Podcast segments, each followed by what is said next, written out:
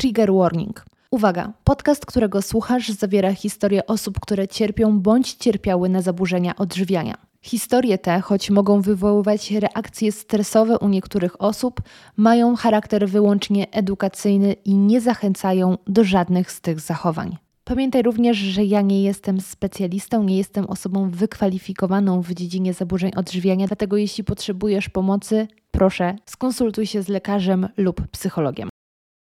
Dzień dobry, dzień dobry, moje drogie, moi drodzy, witam Was serdecznie w kolejnych zaburzonych historiach i tym razem przychodzę do Was wraz z Kasią. Jest to od razu spoiler. Samo imię może być spoilerem, ponieważ moja teoria brzmi następująco: Małgosie świetnie dogadują się z Kasiami. A to oznacza, że ta rozmowa, chociaż znów dotyczy bardzo smutnego tematu, który albo dotyczy nas wszystkich e, w mniejszym lub większym stopniu, albo może kogoś z Waszych bliskich, e, to jednak jest tutaj też wiele śmiechu, uśmiechu i takiej pozytywnej energii. Także mam nadzieję, że pomimo wagi problemu, o którym rozmawiamy, będzie się Wam tego po prostu przyjemnie słuchało i może ten nasz taki pozytywny nastrój się Wam udzieli, na co bardzo mocno liczę.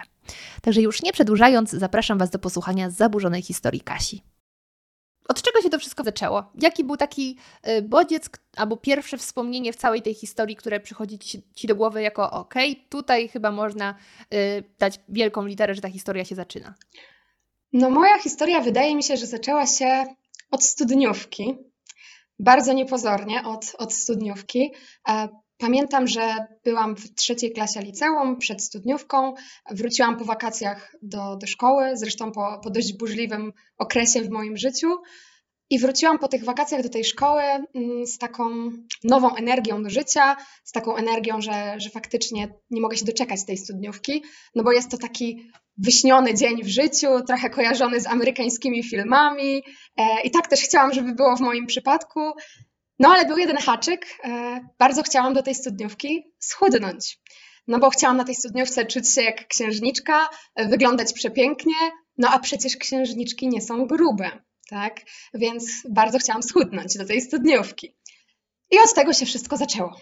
Zaczęło się od tego, że postanowiłam sobie, że faktycznie do tej studniówki schudnę, Wyznaczyłam sobie taki deadline, czyli datę studniówki. Wiedziałam mniej więcej, do jakiej wagi chcę dojść, e, i żeby to osiągnąć, to tak naprawdę na tamten moment musiałam zrzucić no blisko 13 kilo, 14, coś takiego, czyli bardzo dużo, bo ja to sobie wyznaczyłam w październiku, czyli no schudnięcie 13 kilo do stycznia.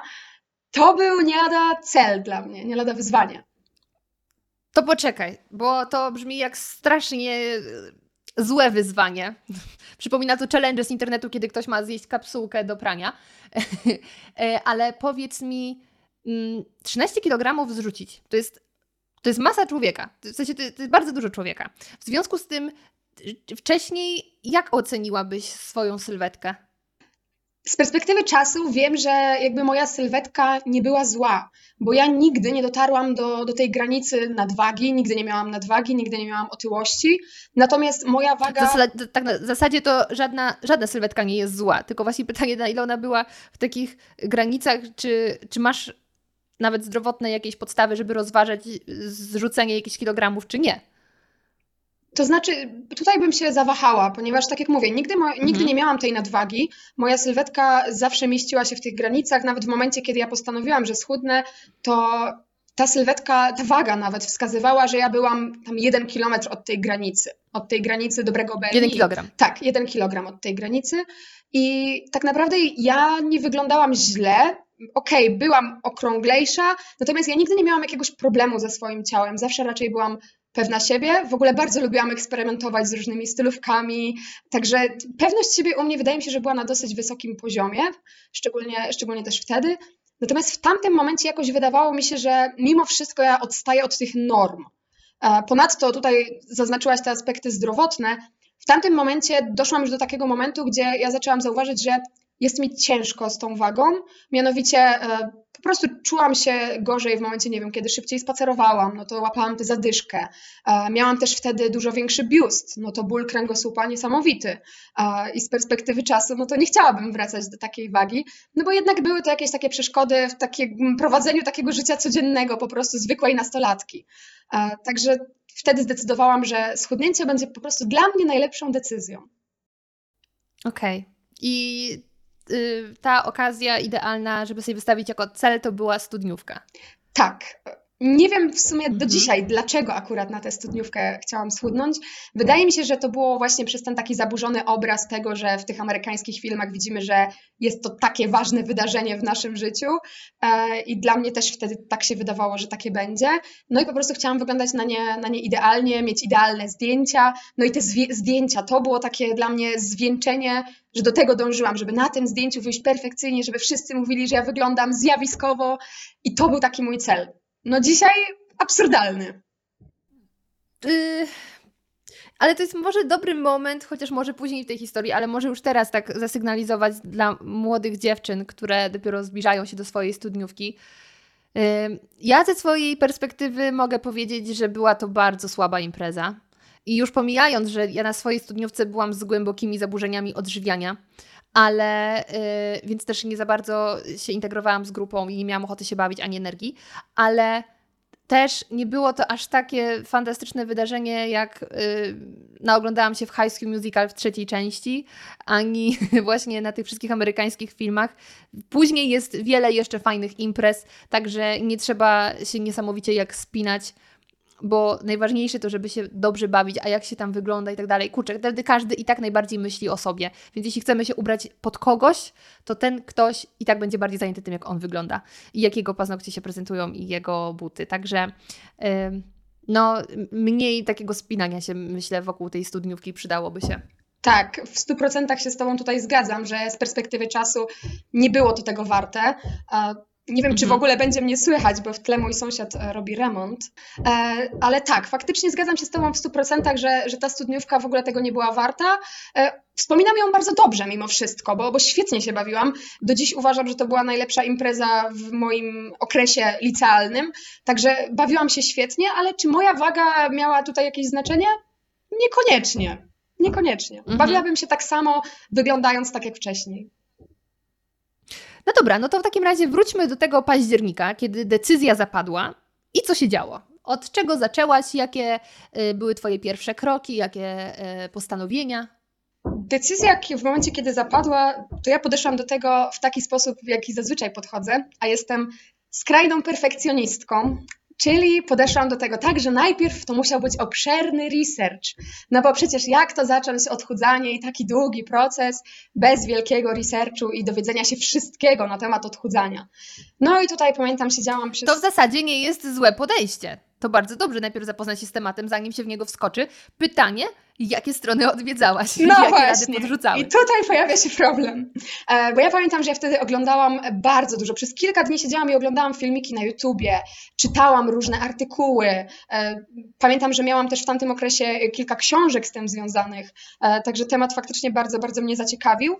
No ale te wszystkie mm, filmiki i te artykuły to nie były jakieś, powiedziałabym, wysokojakościowe materiały, które nauczyłyby mnie faktycznie, jak podejść do tego zdrowego odżywiania. W tamtym momencie wydawało mi się, że to, co robię, jest dobre. No bo ja zaczęłam dietę od tego, że e, oczywiście zaczęłam dietę od poniedziałku, bo jak żeby inaczej, przecież nie można zacząć od innego dnia tygodnia, także zaczęłam od poniedziałku. No i pamiętam, że po tym obszernym researchu dowiedziałam się, że ok, że ważny jest ten deficyt kaloryczny, e, to już jakiś tam klucz do sukcesu. No ale ja ten deficyt kaloryczny zrobiłam sobie absurdalny. E, no bo tutaj też e, muszę zaznaczyć, że jadłam bardzo mało kalorii. Na tamten moment ja sobie wyznaczyłam, że takim moim celem będzie 1200 kalorii. Co jest. Ale patrz, patrz, jaka to jest magiczna liczba, że już abstrahując, jak to jest szkodliwe, ale nie jest tak, że ktoś stwierdza, a dobra, 1300, tylko zawsze jest 1200. A o co chodzi? Czy to jest to, że tak ta popkultura zaczęła to powielać, że to jest właśnie 1200? Wiesz co, nie, nie mam zielonego pojęcia, szczerze. Sama nawet nie wiem, skąd mi się wzięło to 1200. Mi się wtedy mhm. wydawało, że, że 1200 będzie odpowiednią kaloryką, Nie mówiąc o tym, że o samym liczeniu kalorii też nie miałam wiedzy, ja byłam zielona w temacie, więc mhm. na dzisiejszy dzień jestem w stanie prawie w 100% powiedzieć, że ja wtedy źle liczyłam te kalorie bo po prostu nie wiedziałam, jak się je liczy. No i wtedy mhm. pamiętam, że. A poczekaj, jeszcze, mhm. jeszcze pytanko takie techniczne. Czy jesteś w stanie określić, jak duży w stosunku do Twojego faktycznego zapotrzebowania był to deficyt? Ojejku, to mógł być wtedy ogromny deficyt bo wydaje mi się, no, tak naprawdę przy moim obecnym zapotrzebowaniu to już byłby ogromny deficyt, a w tamtym momencie nie dość, że ja ważyłam dużo więcej, jeszcze się sporo ruszałam, bo akurat bardzo lubiłam chodzić, to mi zostało do dzisiaj, robiłam 10 tysięcy kroków dziennie, e, także wtedy to myślę, że to mógł być deficyt no spokojnie tysiąc, jak nie więcej kalorii w danym dniu. Ogromny. Straszne, straszne. Tak. No ale dobrze, przepraszam za dygresję, kontynuujmy. Tak, e, wtedy właśnie stwierdziłam sobie, że będę się odchudzać na tym moim cudownym deficycie kalorycznym e, i zaczęłam ze swojej diety wykluczać bardzo dużo produktów. E, no, wynikało to z tego, że poniekąd wydawało mi się, że są niezdrowe. Ja wcześniejsza, uwielbiająca słodycze i chipsy, w ogóle kochałam wszystko, co niezdrowe, a bez cukru nie wyobrażałam sobie dnia. Nagle odstawiłam cukier całkowicie, przestałam słodzić jakiekolwiek napoje, e, herbatę zaczęłam pić czarną, gorzką, e, kawa niesłodzona, e, zero, zero cukru. Wykluczyłam sól, pamiętam. Nie jadłam praktycznie niczego, co było przetworzone. Ja tej soli nie dodawałam nawet do ryżu czy makaronu. Co dzisiaj, no wydaje mi się śmieszną rzeczą, ale wtedy wydawało mi się, że sól też ma kalorie. I wtedy naprawdę. Czyli e, eliminowałeś sól ze względu na potencjalną kaloryczność, a nie, że e, wartości zdrowotne lub ewentualne nadużywanie, czy to jest niezdrowe? Właśnie, wydaje mi się, że w tamtym momencie to był bardziej, bardziej chyba te kalorie. Że chyba jednak to mnie bardziej przeważało. Okay. Bo ja pamiętam, że w tamtym czasie ja w ogóle nie przyprawiałam jedzenia gdzie ja w ogóle nie wyobrażam sobie teraz zjeść czegoś, co jest nieprzyprawione, a wtedy nie przyprawiałam, no bo nie wiem, ile coś ma kalorii, e, nie żyłam gumy, mm -hmm. Bo guma przecież też ma kalorie, a nawet w skrajnościach mm -hmm. pamiętam, że brałam się brać leki przeciwbólowe, kiedy miałam na przykład miesiączkę, no bo przecież leki też mają jakieś kalorie, a ja nie wiem jakie. Straszne. No. no. brzmi to absurdalnie i aż mi się śmiać chce, jak teraz o tym mówię, ale wtedy ja byłam zafiksowana na tym punkcie. I co, co lepsze, ja wtedy wydawało mi się, że ja dobrze robię, tak? No bo przecież wykluczam wszystko, co jest możliwie niezdrowe. Więc wydawało mi się, że robię wszystko A wszyscy okay. dookoła robią źle. Tak, tak, tak. To, to były, wydaje mi się, właśnie takie pierwsze oznaki też takiej ortoreksji, bo ja się bardzo zafiksowałam na wszystko, co słyszałam na temat zdrowego żywienia. To jest na przykład, jak usłyszałam, że trzeba jeść pięć posiłków dziennie, to było równo pięć posiłków. I co gorsza, ja te posiłki jadłam o wyznaczonych porach, które musiały być o tych wyznaczonych porach. Było to tak skrajne do tego stopnia, że ja w tamtym czasie miałam no, bardzo aktywny tryb życia, bardzo dużo się działo, e, udzielałam też korepetycji. No i gdy wybiła dana godzina posiłku, no to ja musiałam zjeść ten posiłek, nawet jeżeli byłam w trakcie korepetycji, albo nawet kiedy ja byłam w autobusie jadąc na te zajęcia, to ja pamiętam, że ja potrafiłam wyjąć serek i łyżeczką w tym autobusie jechać i jeść ten serek, bo wybiła moja godzina jedzenia. No, dzisiaj nie wyobrażam sobie czegoś takiego. Gdybym była głodna, to bym po prostu poszła po jedzenie. Wtedy nie, trzeba było czekać do danej godziny. I bardzo często, tak jak tutaj też często słyszałam, dziewczyny w podcaście zaznaczały, były te momenty, gdzie ja siedziałam i patrzyłam na zegarek, no okej, okay, kiedy wybije ta 14, żebym ja mogła zjeść ten obiad. Tak, i później ten posiłek, przez to, że taki wyczekiwany i wiesz, że nie za wielki, to musi być perfekcyjny, więc jak cokolwiek pójdzie nie tak, ktoś zjadł z lodówki coś, na co miałaś ochotę, to jest taki dramat, że tylko po prostu płacz i bezsilność. Dokładnie, dokładnie. A gorzej, kiedy ja w ogóle sobie pamiętam, wyliczałam te kalorie często do przodu, czyli na przykład ja dobrze wiedziałam, co ja zjem następnego dnia.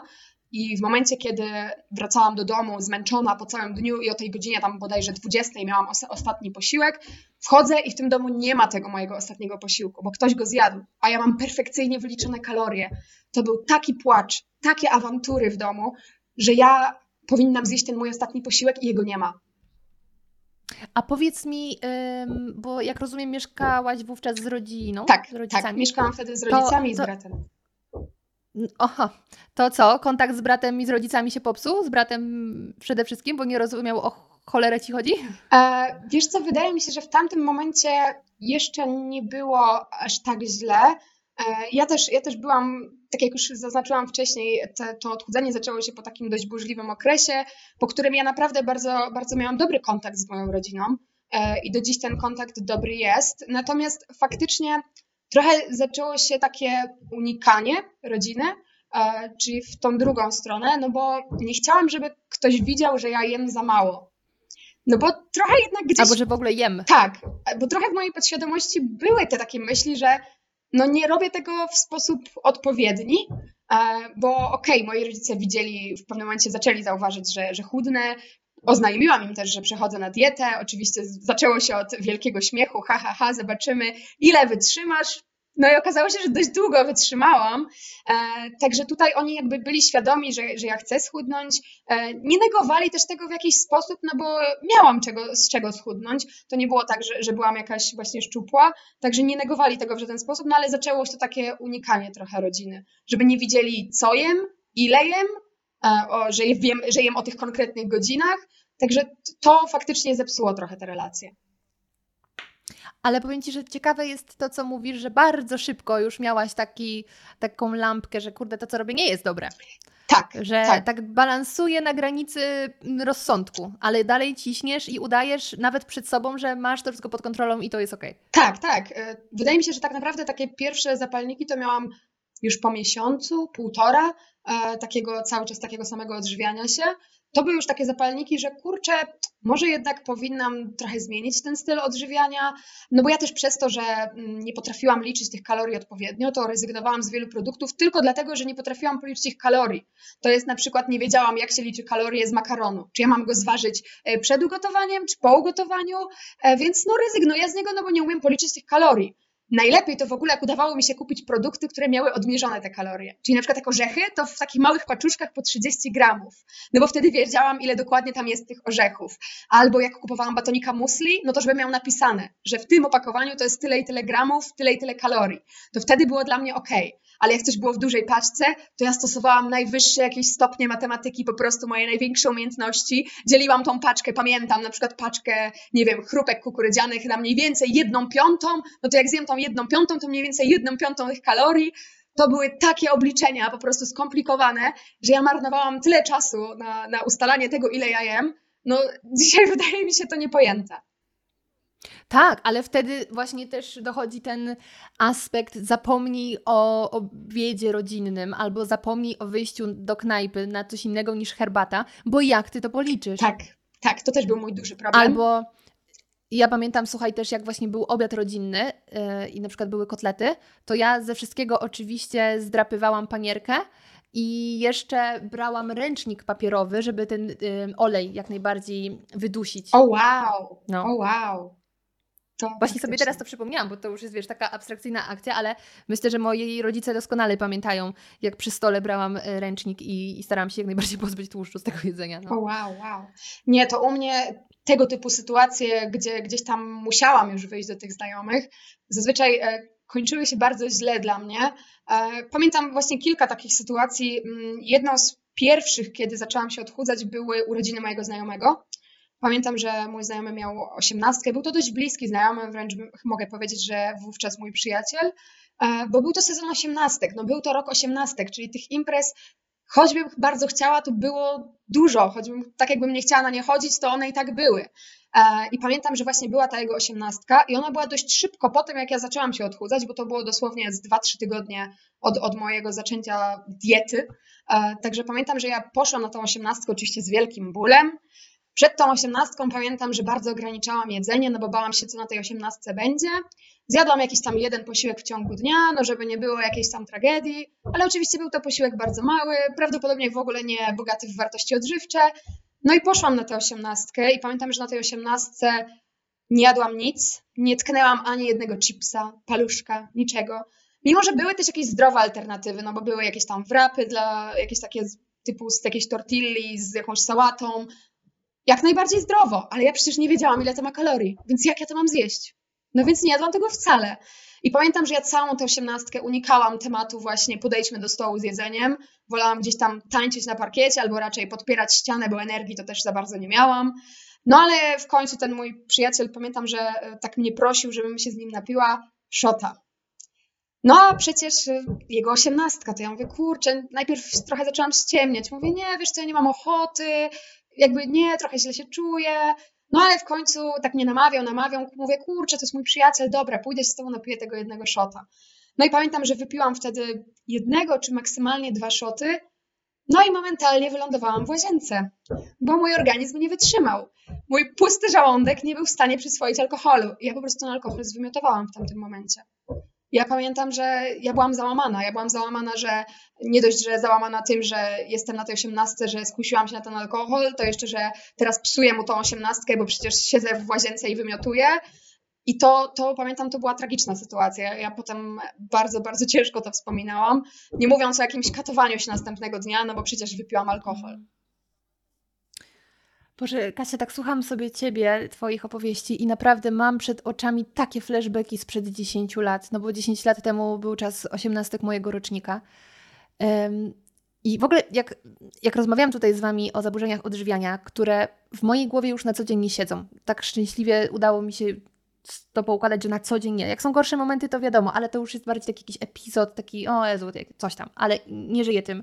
Ale w czasie tych rozmów z Wami, ja naprawdę zawsze mam przed oczami mój pokój e, w domu rodzinnym, którego już nie mamy swoją drogą, ale tak, jak jeszcze, jeszcze mieliśmy ten dom. Ja siedzę w tym ciemnym pokoju, taka, taka smutna i bez sensu, tak, taki właśnie marazm. Ja wiem, że bardzo często to słowo powtarzam w podcaście, ale ono doskonale moim zdaniem opisuje ten stan. Ale teraz dodatkowo y, przypomniała mi się impreza, wydaje mi się, że to też była osiemnastka mojego znajomego, który był rok starszy, dlatego jeszcze wtedy miałam 17 lat. E, to była impreza na sali. I ja też byłam świeżo po rozpoczęciu odchudzania, co więcej, byłam wówczas na dłukanie. E, I ja na tej imprezie znowu bardzo byłam głodna i tak dalej, ale y, skusiłam się na no dosłownie kilka chipsów i paluszków. Przy tym jak dzisiaj zjeść paczkę chipsów, tak ha, come on, zjem nawet dwie niestety. Ale wtedy zjadłam kilka sztuk. To, to się nie dzieje jak jesz chipsy, wiadomo. E, albo paluszki. I następnego dnia oczywiście weszłam na wagę i miałam pół kilo więcej. I pal sześć, że to była woda. To była woda, bo po prostu dostałam więcej soli niż wcześniej, no bo unikałam również. Ale ja byłam tak załamana, tak rozczarowana sobą, że do dzisiaj kurczę to pamiętam. I Jezu, i ta impreza też była dla mnie tragiczna. Pewnie tam jakiegoś szota wypiłam czy coś, chociaż dla mnie temat alkoholu też był e, właśnie taki, że bardzo rzadko piłam, bo myślałam sobie, że to są kalorie. Alkohol ma kalorie. Dlaczego na opakowaniach nie ma ile to ma kalorii? Tak. Mnie to zawsze dziwiło. Wiem, że teraz tak. niektóre y, chyba wina nawet wprowadzają, czy Prosecco chyba ma wprowadzić ile ma kalorii, ale y, ja przez to też bardzo tego alkoholu zaczęłam mało pić, bo bałam się tych kalorii pustych. No bo wiesz, tak, bo ja w kaloryce, kaloryce jednego szota to ja wolę zjeść jabłko, tak? Bo ono mnie nasyci. Tak. A jak wypiję jednak ten alkohol, no to kurczę, te kalorie przeze mnie przepłyną. Tak. Wręcz jeszcze potem, jak już miałam te flashbacki z tego wymiotowania, to miałam takie, nie no, nie chcę znowu. Tak? To jest takie, mm -hmm. za każdym razem po takiej mocniejszej imprezie się mówi, że, że potem ma się taki wstręt do alkoholu. To ja miałam coś takiego właśnie Długo po tym jednym. Tak. tak. tak. I właśnie to są takie kolejne cegiełki do tego, dlaczego tracisz relacje z ludźmi. Bo ze względu na to, że kiedy jesteś nastolatką, nastolatkiem, osobą młodą, nawet już po dwudziestce, y, ale mierzysz się z tym i jest temat, wychodzimy na miasto pobawić się, to przez strach, że sobie tego nie wliczysz, albo nawet sobie wliczysz, ale nie jest to dokładnie takie zgodne z zasadami, albo co gorsza, po alkoholu puszczą ci hamulce i jednak zjesz więcej niż planowałaś, sprawia, że oddalasz się od ludzi. I yy, ja byłam strasznym, nazwę siebie sama, takim wyrzutkiem, jak byłam na progu moich lat dwudziestych, na tym przełomie, bo po prostu unikałam takich sytuacji, kiedy yy, nie będę miała nad tym kontroli. To faktycznie chyba była taka najgorsza część całych, całej tej przygody, przygody, jeżeli można to tak w ogóle nazwać, całej tej historii, że właśnie było dużo takich sytuacji, które dzisiaj wspominam bardzo źle z tej perspektywy, że ja wiem, co wtedy się działo w mojej głowie. Bo moi znajomi naokoło w ogóle tego nie widzieli, tak? Ale ja, jak sobie pomyślę, jakie myśli przewalały się przez moją głowę w tamtych momentach, zjeść, nie zjeść, wyjść z nimi, nie wyjść z nimi, to było straszne. Ja więcej czasu spędzałam na myśleniu o tym jedzeniu, niż na jego faktycznym spożywaniu. A to, a skoro o tym wspominasz, to do tej studniówki jeszcze trochę nam zajdzie, zejdzie, zanim dojdziemy. Ale jestem ciekawa, ponieważ właśnie ja pamiętam, że y, nie jedzenie rekompensowałam sobie oglądaniem jedzenia i wtedy w ogóle wkręciłam się, że y, był rozkwit programów kulinarnych wszelkiej maści, więc kuchnia TV leciała u mnie non-stop. No i właśnie też o tym w jednym odcinku wspominałam. Zapisywanie różnych potraw na Instagramie, Oj, tak. nigdy ich nie zrobię. Do dzisiaj mam ale oglądanie masę. jedzenia Tak. Oglądanie jedzenia stało się moim hobby. Czy u Ciebie było podobnie? Tak, u mnie to wręcz y, moim hobby to było szukanie jak najmniej kalorycznych potraw. To znaczy potraw, mm. takich już w momencie, kiedy zaczęłam trochę schodzić z tej ortoreksji i zaczęłam trochę włączać te, te potrawy, które powiedzmy kiedyś bym ich nie tknęła, to było szukanie, jaki batonik ma najmniej kalorii, a jaka czekolada ma najmniej kalorii, a jakie chrupki mają najmniej kalorii. I to było takie szukanie, bawienie się w detektywa, a co tutaj może mieć najmniej kalorii, albo odkrywanie jakichś, nie wiem, nowych owoców, które mają super mało kalorii mhm. i mogę je zjeść na kilogram. Więc tak, mhm. faktycznie to, to takie szukanie jedzenia czy oglądanie. No na YouTubie to uwielbiałam oglądać filmiki, gdzie właśnie albo ktoś pokazuje taki full day of eating, albo uwielbiałam oglądać e, filmiki, jak ktoś opowiada, jak schudł to też, to też było takim mm. moim hobby, żeby oglądać. Tak sobie myślałam, no kiedyś to będę ja, też będę tak opowiadać, jak schudłam, jak e, cudownie doszłam no, do tej właśnie wagi. opowiadasz. No kurczę, chyba, chyba nie tak to sobie wyobrażałam w mojej głowie. Podcast o zaburzeniach odżywiania, badumc. No, powiem Ci, chyba nigdy bym się tego nie spodziewała. Ale absolutnie to rozumiem. To, to wszystko są takie żarty przez łzy, no bo, bo doskonale wiemy, jak to było. E, no ale cieszę się, że dzisiaj możemy sobie tutaj tak rozmawiać już trochę na dystans o tak. tym myśląc. No ale dobra, ja tutaj mocne dygresje znowu pociągnęłam. E, skończyłyśmy na tej 18 tak naprawdę. Tak. E, ta 18 no była pewnie jakoś w listopadzie, jeżeli dobrze kojarzę. A potem w grudniu zaliczyłam taki chyba najmocniejszy wizerunkowo spadek wagi, najbardziej widoczny, bo pamiętam, że w ogóle przez cały ten okres odchudzania na początku bałam się ważyć, na początku nawet się nie zważyłam, więc ja nawet nie wiedziałam, jaką miałam wagę startową. Jedyną, jaką kojarzyłam w głowie, to była waga z wakacji. Gdzieś tam, jak się zważyłam, i za założyłam sobie, że to była ta waga startowa.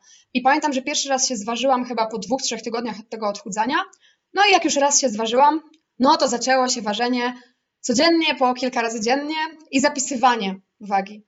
Ja pamiętam, prowadziłam, miałam taką kartkę wyrwaną z zeszytu w kratkę, na której napisałam dzienniczek wagi i na niej codziennie zapisywałam wagę, którą osiągałam wieczorem, co w ogóle dzisiaj wydaje mi się absurdem, bo jak już w ogóle chcemy nawet z ciekawości sprawdzić swoją wagę, no to robimy to rano na czczo, bo każdego dnia spożywamy inną wagę posiłków i jest to teraz dla mnie naturalne i zrozumiałe. Ale ja się ważyłam wieczorem o tej samej godzinie, nie wiedzieć czemu, nie wiedzieć czemu, ale zapisywałam codziennie tą wagę. Jeszcze pamiętam, ta kartka to w ogóle, to było takie moja po prostu kartka wstydu, którą ja zawsze chowałam, jak tylko mama wchodziła do mojego pokoju, jak tylko widziała, że znowu się ważę, to ta kartka była chowana gdzieś w ogóle pod stertą segregatorów, tylko ja wiedziałam, gdzie ta kartka jest, bo ja się bałam przyznać, ile ja ważę, że w ogóle się codziennie ważę i że mam obsesję na tym punkcie, ale faktycznie zapisywałam tą wagę.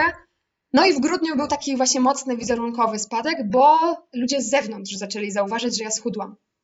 I to był taki dla mnie jeszcze większy zapalnik, bo, bo zaczęłam słyszeć z zewnątrz mnóstwo komplementów, że wow, ale schudłaś, gdzie grudzień to było dwa miesiące od zaczęcia w ogóle odchudzania, mniej więcej. Nawet mogło to być półtora miesiąca, bo ja nie pamiętam dokładnie, kiedy zaczęłam. Ale pamiętam, no, że... od poniedziałku. Tak, od jakiegoś poniedziałku w październiku. To wiem, to wiem do dzisiaj, tak ale, ale właśnie pamiętam, że to, było, to był taki czas, gdzie ja zaczęłam dostawać bardzo dużo komplementów i to już nie były tylko komplementy gdzieś tam od członków rodziny, których rzadziej widziałam, bo moi rodzice na początku nie zauważali tego, bo spędzali ze mną ten czas codziennie i dopiero kiedy inni członkowie rodziny coś tam powiedzieli, babcia, nie wiem, ciocia, to wtedy dopiero było, o, no może faktycznie schudła.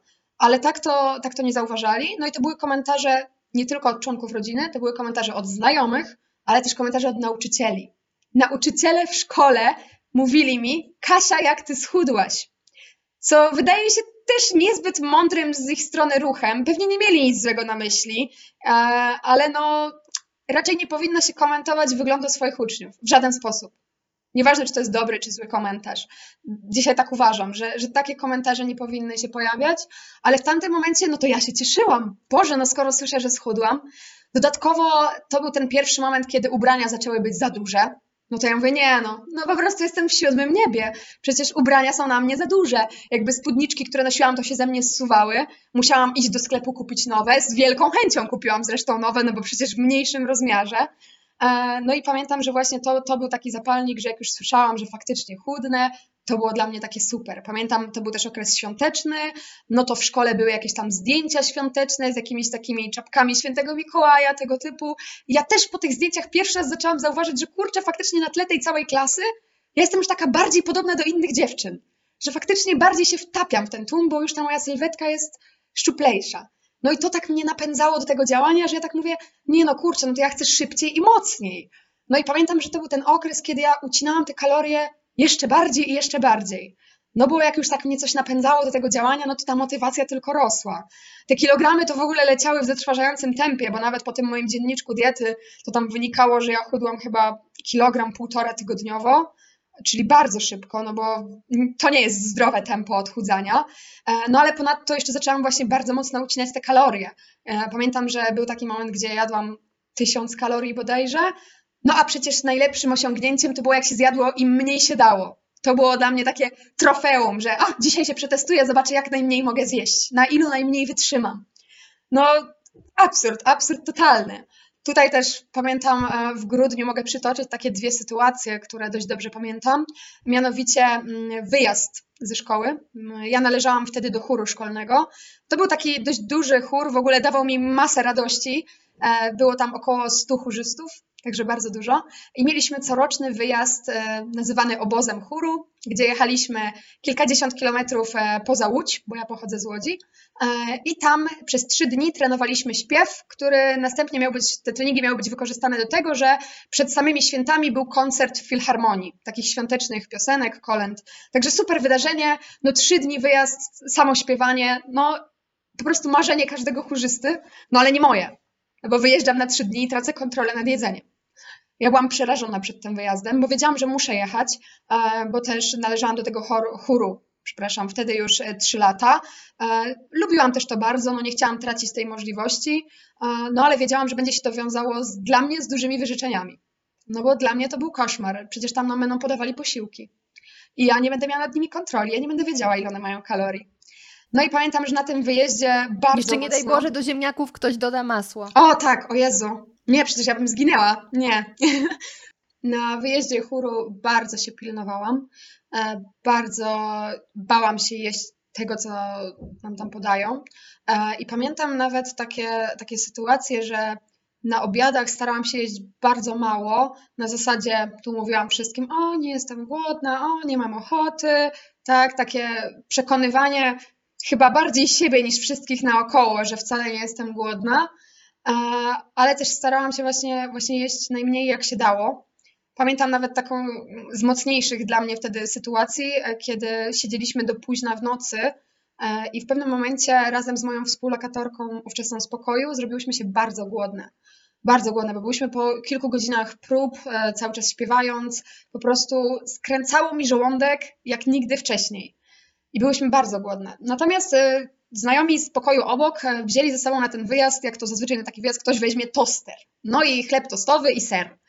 E, także zaproponowali nam, że okej okay, dziewczyny, no to zrobimy wam po prostu tosty, no jak jesteście głodne. No ale ja tak sobie myślę, Boże, tosty, jeszcze ser, przecież to jest sam tłuszcz, ja nie wiem ile to ma kalorii, jakby no nie policzę tych kalorii jeszcze, no przecież nie powiem im dajcie mi ten chleb, bo ja sobie chcę z niego policzyć kalorie, tak? Poza tym wtedy mniej więcej pamiętałam ile takie rzeczy mają kalorii i od razu miałam w głowie te horrendalne liczby e, i po prostu mówię, nie, no nie mogę zjeść tego tosta, no ale z drugiej strony skręca mnie w tym żołądku. No i pamiętam, że zgodziłam się, żeby dali mi pół tego tosta. Żeby dali mi pół tosta, e, bo mówię, nie, no ja nie jestem aż tak głodna, ale tego pół tosta to mogę zjeść. I pamiętam, zjadłam pół tego Czyli tosta. Czyli jedną kromkę chleba. No nawet mniej, nawet mniej, no bo to przekrojone tak na pół takie trójkąciki, no to takie w sumie, no tak, jedna kromka. E, ale pamiętam, zjadłam, zjadłam te pół tosta. E, coś tam, ten żołądek się uspokoił na chwilę, no bo faktycznie dostał jakikolwiek pokarm. E, ja wszystkim mówiłam, że nie, no mi już starczy, najadłam się, oni tam jedli po 3-5 tostów, tak? Ale ja mówiłam, nie, no ja już jestem najedzona. I pamiętam, że właśnie to, to był taki moment, gdzie, gdzie ja byłam właśnie przerażona, że ja zjadłam te pół tosta. No, dzisiaj jak sobie o tym myślę, No nie. Ale no. patrz, i dzisiaj też jesteś przerażona, tylko właśnie tym, że zjadłaś pół tosta. Tak, a nie trzy. Dokładnie to samo zdanie, ale z innego powodu, dokładnie.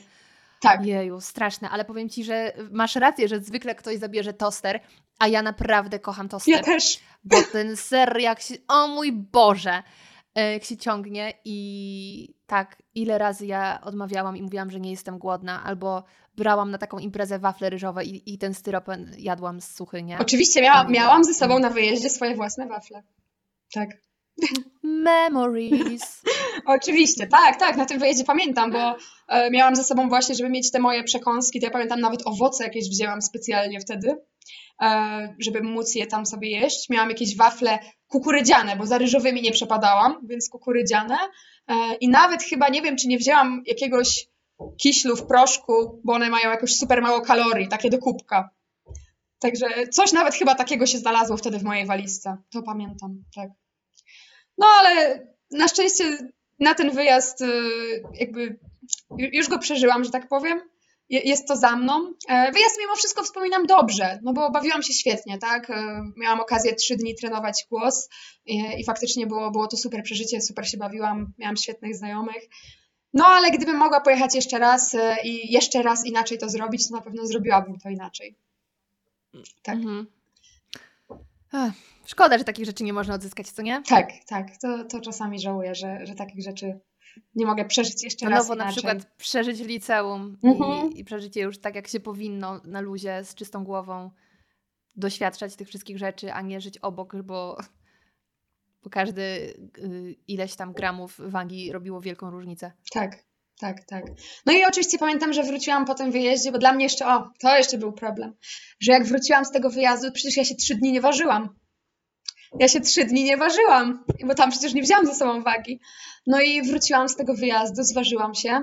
O dziwo, znaczy wtedy dla mnie o dziwo, zrzuciłam tam, nie wiem, z pół kilo czy ileś po tym trzydniowym wyjeździe. Ja byłam w ciężkim szoku, ja mówię, przecież ja tyle jadłam, a ja dalej jakby zrzuciłam tą wagę. E, No ale w rzeczywistości ja tam nie jadłam prawie, tak? Bo cały czas sobie odmawiałam tego jedzenia. Także nie dziwię się, że czy nawet ta woda zeszła, czy, czy po prostu zrzuciłam faktycznie te pół kilo. Ale tak, tak, to też było takie dla mnie przerażające. No i tak, takich sytuacji było więcej, e, bo, bo tych wyjazdów czy jakichś okazji do wyjścia ze znajomymi było sporo, gdzie ja potrafiłam przed każdym wyjściem bardzo mocno się katować. A na zasadzie nie jem nic cały dzień, bo wieczorem się widzę ze znajomymi i idziemy do restauracji, w której ja nie wiem, ile coś ma kalorii. No to dzisiaj, jak sobie o tym pomyślę, ja pamiętam, ja nie jadłam cały dzień, skręcało mnie w żołądku, e, a potem w tej restauracji to ja byłam pierwsza, która nie mogła się doczekać jedzenia, no bo już nie mogłam wytrzymać. Tak, plus często i tak wybierało się najmniej kaloryczną rzecz. Tak, tak. A najlepsze to w ogóle, jak na przykład e, udawało mi się odkryć w kilku restauracjach e, były napisane kalorie, ale tylko przy tych fit potrawach. Czyli na przykład była, pamiętam, moja ulubiona wówczas e, sałatka fit, tak się nazywała, i ona dokładnie miała napisane, że tam ma, nie pamiętam, około 300 kalorii, tak? Ale a propos tego, słuchaj, ja pamiętam jaki szok i nawet taki trochę wewnętrzny dramat przeżyłam, kiedy y, moja znajoma, nie będę mówiła z jakiego miasta, żeby też nie powiedzieć w jakim miejscu, ale moja znajoma pracowała kiedyś jako kelnerka w miejscu, które sprzedaje właśnie y, takie fit potrawy y, słodkie i okazało się, że oni wcale aż tak dokładnie nie liczą tych kalorii, jak później podają, że niektóre y, laski, które były na kuchni, dodawały tak, wiesz, no pi razy drzwi, bez tego odmierzania każdego grama. I kiedy ja się o tym dowiedziałam, sobie myślę, Boże, to jest takie oszukiwanie ludzi. I oczywiście to jest oszukiwanie ludzi, no bo jeśli y, szczycisz się tym, że sprzedajesz takie, a, takie rzeczy, no to na przykład ktoś może to wyliczać pod kątem, nie wiem, cukrzycy może, żeby sobie później tam tą insulinę mm, y, odpowiednią zapodać. Ale jak sobie, wiesz, pomyślałam, że ile razy ja mogłam jeść w miejscu, które powiedziało mi, ile to ma kalorii, a miało inaczej? Tak. Dramat. Tak, tak. Ale ja, wiesz co, mi też to przechodziło No. zawsze przez myśl. Czy na pewno ta Mhm. porcja, którą dostanę, wiesz, czy nie ma liścia sałaty za dużo? Czy ja mogę im ufać? Tak. Bo co jeżeli Tak. włożyli tam, wiesz, jeden gram sałaty za dużo? To już są kalorie. A nie daj Boże łyżkę oliwy za dużo. O nie, to, to już nie, to, to już za dużo. Tego bym No nie właśnie, przeżyła w no tamtym właśnie. czasie.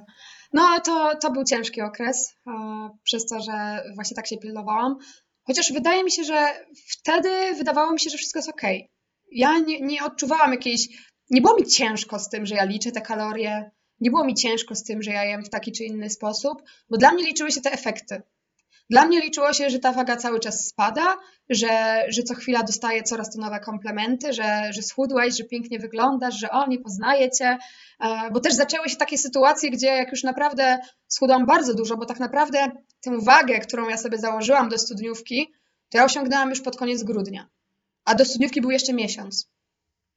Czyli no schudłam bardzo szybko, w bardzo szybkim tempie. E, I były już nawet takie sytuacje, gdzie spotykałam dawnych znajomych na ulicy, gdzieś tam z podstawówki, z gimnazjum i oni mnie nie poznawali. Bo ja do nich podchodziłam i dopiero po chwili rozmowy było: O, Kasia, to ty. Więc no, dla mnie to był jeszcze większy komplement. No bo skoro ja tak dobrze wyglądam, że aż mnie ludzie nie poznają, no to przecież jest super. No a tak super nie było. No bo faktycznie schudłam za szybko. No a to mnie tylko nakręcało bardziej. No bo przecież skoro schudłam tak szybko, to mogę schudnąć więcej. A im będziecie mniej, tym będziesz piękniejsza. No oczywiście, bo będę się bardziej oczywiście. zbliżać do tych, wiesz, standardów z Instagrama, tych pięknych modelek e, i będę miała wreszcie ten mój wymarzony płaski brzuch, bo mimo schudnięcia moim największym kompleksem było to, że ten mój brzuch nie jest płaski, bo mi się wydawało, że te wszystkie modelki z Instagrama, to one mają cały dzień płaski brzuch, a ja ten płaski brzuch na przykład miałam tylko rano, a wieczorem on wyglądał jak w piątym miesiącu ciąży. I jest to całkowicie normalne. Tutaj też myślę, trzeba to zaznaczyć, że to jest całkowicie normalne, bo my spożywamy. Tak. Jakby spożywamy jedzenie i ono się osadza w tym żołądku, ono musi gdzieś spocząć, tak? Więc to jest normalne. Przy czym. Yy... Tak, przy czym jak się rozreguluje jelita i cały układ pokarmowy, to faktycznie może bardziej ten brzuch być yy, widoczny, bardziej wzdymać się i to już nie jest normalne, bo on tak nie powinien, ale tego typu zachowania, kiedy miesiącami się głodzisz albo jesz rzeczy, które jesz, ale nie żywisz swojego organizmu tak do końca, no to to jest najlepsza droga do tego, żeby sobie to rozkopać i później ten efekt, którego tak bardzo się boimy, będzie jeszcze większy. I może się to skończyć leczeniem SIBO albo jakichś innych y, bardzo uciążliwych schorzeń, także jeju, to jest to jest takie koło po prostu beznadziejne. Tak, tutaj którym się tkwi. dokładnie to, co powiedziałaś, to nawet się przekłada u mnie, e, że faktycznie e, to bardzo mi rozregulowało organizm do tego stopnia, że ja e, tak naprawdę mm, dzisiaj mam 22 lata, ale z problemami z metabolizmem zmagałam się tak naprawdę jeszcze do zeszłego roku. I tak naprawdę dopiero teraz jestem w stanie powiedzieć, że ten metabolizm udało mi się przywrócić. Zresztą no nie samodzielnie, tylko z pomocą pani dietetyk, ale faktycznie borykałam się z tymi problemami kilka lat po, po tak naprawdę tym intensywnym odchudzaniu. Także naprawdę nie polecam nikomu. Nie, nie polecam takiego obsesyjnego odchudzania się, bo efekty tego są widoczne dużo później i to nie są fajne efekty. Tak, no wszystko można zrobić na dwa sposoby, dobry i zły, z głową i bez. No ale dobra, y, bo tak, już powiedziałaś, że ten swój cel osiągnęłaś do studniówki, został miesiąc, znaczy przed studniówką, został miesiąc do niej. I co, ten miesiąc jeszcze cisnęłaś y, z kolejnymi? Więc ile zleciałaś jeszcze z tej wagi? E, wiesz co, ten miesiąc to było tak, że w międzyczasie tam były jakieś święta, jakieś urodziny moich rodziców, e, bo moja mama ma w styczniu urodziny. Było kilka takich okazji, gdzie ja trochę już na pokaz zaczęłam ludziom pokazywać, że patrzcie, ja jem. E, czyli zaczęło się takie, że mimo, że na przykład nie chciałam zjeść tortu, no to na pokaz było, patrzcie, ja zjem ten tort, patrzcie, ja wcale nie, nie trzymam aż takich restrykcji, e, więc pozwalałam sobie zjeść gdzieś tam trochę więcej niż poprzednio. E, I pamiętam, że do tej studniówki udało mi się tam zrzucić powiedzmy ponad tam jeden czy dwa kilo poniżej tej założonej wagi, ale potem jakby ta waga stanęła. W pewnym momencie ona po prostu stanęła. Jakby ten organizm też się zaczął buntować, że hola hola, dalej już nie pójdziesz, dalej już nie schudniesz. I faktycznie ta waga stanęła i po tej studniówce ja już y, miałam duże problemy z dalszym schudnięciem. Mimo, że bardzo chciałam, to, to trochę organizm mi na to nie pozwalał. Też y, po samej studniówce pamiętam, że trochę zeszłam z takiej presji tego obsesyjnego liczenia kalorii i obsesyjnego ważenia się, no bo doszłam trochę do takiego momentu, ok, osiągnęłaś to, co chciałaś. I co dalej? Co dalej z tym zrobisz? Więc doszłam do takiego momentu, że z jednej strony trochę podpowiadało mi gdzieś tam moja psychika, no dawaj, dawaj, możesz dalej, możesz jeszcze trochę schudnąć. A z drugiej strony tak patrzyłam na siebie, na te zdjęcia z tej studniówki, na których wyglądałam już bardzo szczupło i, i tak mówiłam sobie, nie no, no w sumie jest okej okay chyba, tak mi się wydaje. No ale gdzieś tam cały czas z tyłu tej głowy to było, ale schudnąć nie mogłam. Tutaj schudnąć już nie mogłam dalej, naprawdę. Już mm, zaczęły się też takie momenty, gdzie przez tydzień potrafiłam bardzo mocno trzymać te restrykcje, czyli znowu jadłam po te nieszczęsne 1000 czy 1200 kalorii. E, no ale po tym tygodniu mój żołądek już się tak domagał jedzenia, że ja się potrafiłam rzucić na paczkę chipsów y, i zjadłam 1000 kalorii w 5 minut. No bo tutaj już się zaczęły też y, takie właśnie, mogę chyba tak to powiedzieć, napady obiadania gdzie może one wtedy jeszcze nie były takie duże, bo to było na zasadzie właśnie, że rzuciłam się na jakąś jedną dużą rzecz, albo potrafiłam zjeść obiad, który przysparzał mi tysiąc kalorii w jednym posiłku, gdzie wcześniej jadłam tyle na cały dzień, e, ale faktycznie tutaj już nie mogłam schudnąć, no bo cały czas były te wahania, czyli albo mocna restrykcja, albo rzucenie się na jedzenie. Czyli tutaj ta waga cały czas się trzymała taka sama i, i faktycznie ta waga cały czas się utrzymywała, co nie było jakieś dla mnie złe, chociaż wydawało mi się, że jest wtedy źle. Z perspektywy czasu, jak sobie no myślę. No właśnie, domyślam się, że psychicznie zaczęłaś być trochę rozbita, prawda? Że z jednej strony ja chcę, ja dalej cisnę, co się dzieje, czemu ten organizm mnie nie słucha. Tak, tak, byłam bardzo rozbita w mhm. tamtym momencie. E, to był też taki okres, gdzie ja pamiętam, ja bardzo dużo płakałam. E, bardzo źle wspominam tamten okres, e, bo ja pamiętam, zamykałam się w pokoju, tak żeby nikt nie widział. Płakałam do poduszki, że ja jestem gruba, że ja nigdy nie schudnę, gdzie ja już wtedy byłam chuda. No był to dla mnie bardzo ciężki okres. No i to tak się, powiedzmy, bujało przez luty. No i w marcu wybuchła pandemia, bo to jest ten mm. nieszczęsny 2020 rok. E, także w... No, powiem Ci, że na tle pozostałych to nie był aż taki nieszczęsny, jak się wydawało. tak, tak, tak. E, ale w marcu wybuchła pandemia i z perspektywy czasu e, wydaje mi się, że ta pandemia to był mój, po prostu moje koło, koło ratunkowe w tamtym momencie. Bo gdyby nie ta pandemia, to ja na pewno bym znalazła sposób, żeby schudnąć jeszcze bardziej. Na pewno. Bo ja wtedy byłam już w takim momencie, że ja już byłam w stanie się łapać wszystkiego, żeby tylko schudnąć bardziej.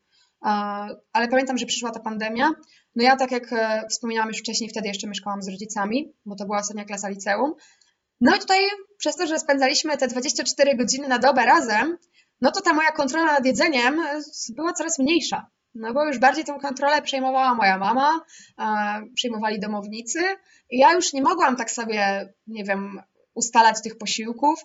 Też nie ja robiłam zakupy, bo po zakupy był wysyłany mój tata raz w tygodniu, kiedy tylko można było wyjść gdzieś tam, więc ja nie mogłam sobie już kupować moich e, serków proteinowych e, czy moich chrupków kukurydzianych, bo mają mało kalorii, albo ton wafli kukurydzianych, e, tylko tata robił zakupy, więc ja trochę się musiałam dostosować do tego, co się je w domu.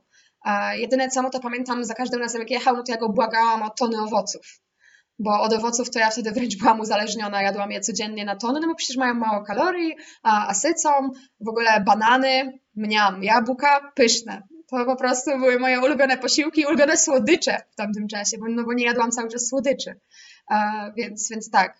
E, no i pamiętam, że, że wtedy udało mi się przytyć, e, co absolutnie mnie nie cieszyło w tamtym momencie ja byłam załamana, że ja przytyłam. Mówię, nie, no jestem jak ci wszyscy po prostu stereotypowi ludzie z internetu, że zaczęła się pandemia, a ja już przybrałam kilogramy. E, no a wynikało to po prostu z faktu tego, że, że faktycznie jadłam troszkę więcej, czyli ten mój organizm zaczął odkładać to jedzenie, no bo chciał się bronić przed następnym odchudzaniem, bo on wiedział, że to może znowu nastąpić, a, a przy tym nie ruszałam się, no bo nie chodziłam, nie robiłam już tych 10 tysięcy kroków dziennie. Jedyne co, to cały czas y, nieustannie korzystałam ze stepera, bo miałam w domu steper, którego też e, obsesyjnie używałam e, w trakcie, w trakcie odchudzania. E, także jeszcze cały czas to sobie robiłam, czyli tam codziennie musiał być tam kilkunastominutowy taki intensywny trening na steperze, ale poza tym nie Ja podziwiam, dla mnie to jest jedna z najnudniejszych rzeczy i sprzętów, jakie istnieje. Pedałować na rowerku stacjonarnym nie ma problemu, ale ten steper, Boże, jakie to jest nudne.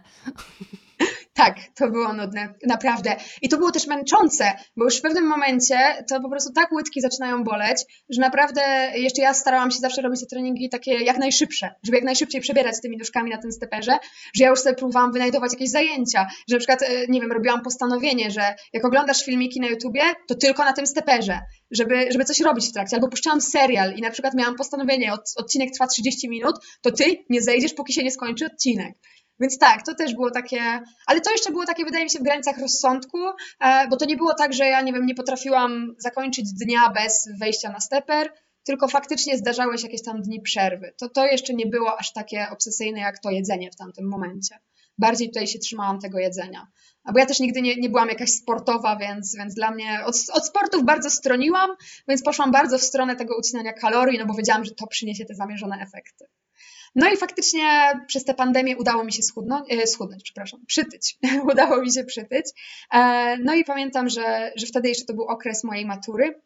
No bo ja pisałam tę słynną maturę covidową, która była przesunięta na czerwiec w ogóle, nie było jej w maju, e, co też było dla mnie dobrym rozwiązaniem, bo przyznaję się, nie uczyłam się za bardzo, e, także, także się cieszyłam, że ona była przesunięta. No i jak już została przesunięta na ten czerwiec, no to ja się spięłam.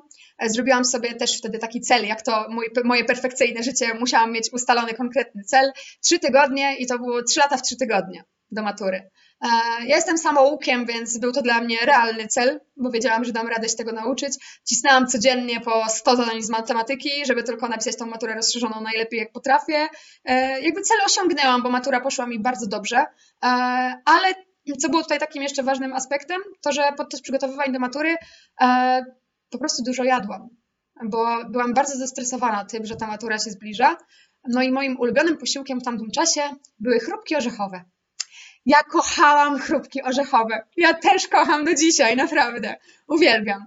I w tamtym czasie pamiętam za każdym razem, jak były te tygodniowe zakupy, to ja błagałam tatę, dobra, tylko kup mi zapas chrupków orzechowych. No a jak wiemy, jeżeli ktoś się kiedykolwiek odchudzał i liczył kalorie, to wie, że orzechy mają bardzo dużo kalorii. E, no więc ja tych kalorii potrafiłam przyswoić ogromne ilości właśnie w tych chrupkach, niepozornych, bo ja siedziałam i ja zajadałam po kilka paczek dziennie, no bo siedząc po prostu łapałam e, za miseczkę i z tej miseczki po chrupkach, e, także faktycznie tych chrupków przyswoiłam sporo, no i tych kilogramów mi przybyło. I tak naprawdę od tego schudnięcia to wydaje mi się, że ja przybrałam z 5 kilo na wadze przez pandemię, Natomiast to nie było też takie przybranie, że, że faktycznie mm, znowu się zrobiłam jakaś gruba czy coś. Nie, ja, ja wyglądałam cały czas dobrze, jak patrzę na to z perspektywy czasu. E, po prostu miałam te 5 kilo więcej i po prostu, nie wiem, nie było już mi widać kości, tak, na takiej zasadzie.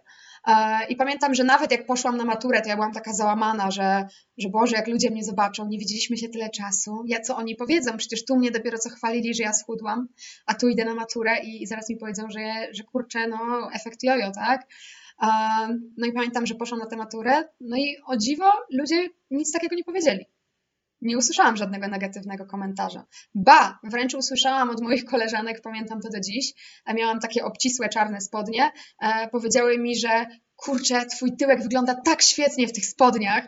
I ja byłam taka, wow, że jakby mogę usłyszeć coś pozytywnego po przytyciu 5 kilo. Kurczę, czyli chyba nie jest ze mną tak źle. No kurczę, powiem tak, ja nie wiem, czy jest w ogóle wykonalne być yy, drastycznie wychudzony i mieć tyłek. Powiem Ci z doświadczenia swojego, powiem nie. No też mi się tak wydaje z perspektywy czasu, że, że Tyłek lubi tak. akurat tkankę tłuszczową. Tak, tak, tak, więc ten komplement, no to, to był ewidentnie ze względu na to, że, że przytyłam i to było jak najbardziej dobre w tamtym momencie.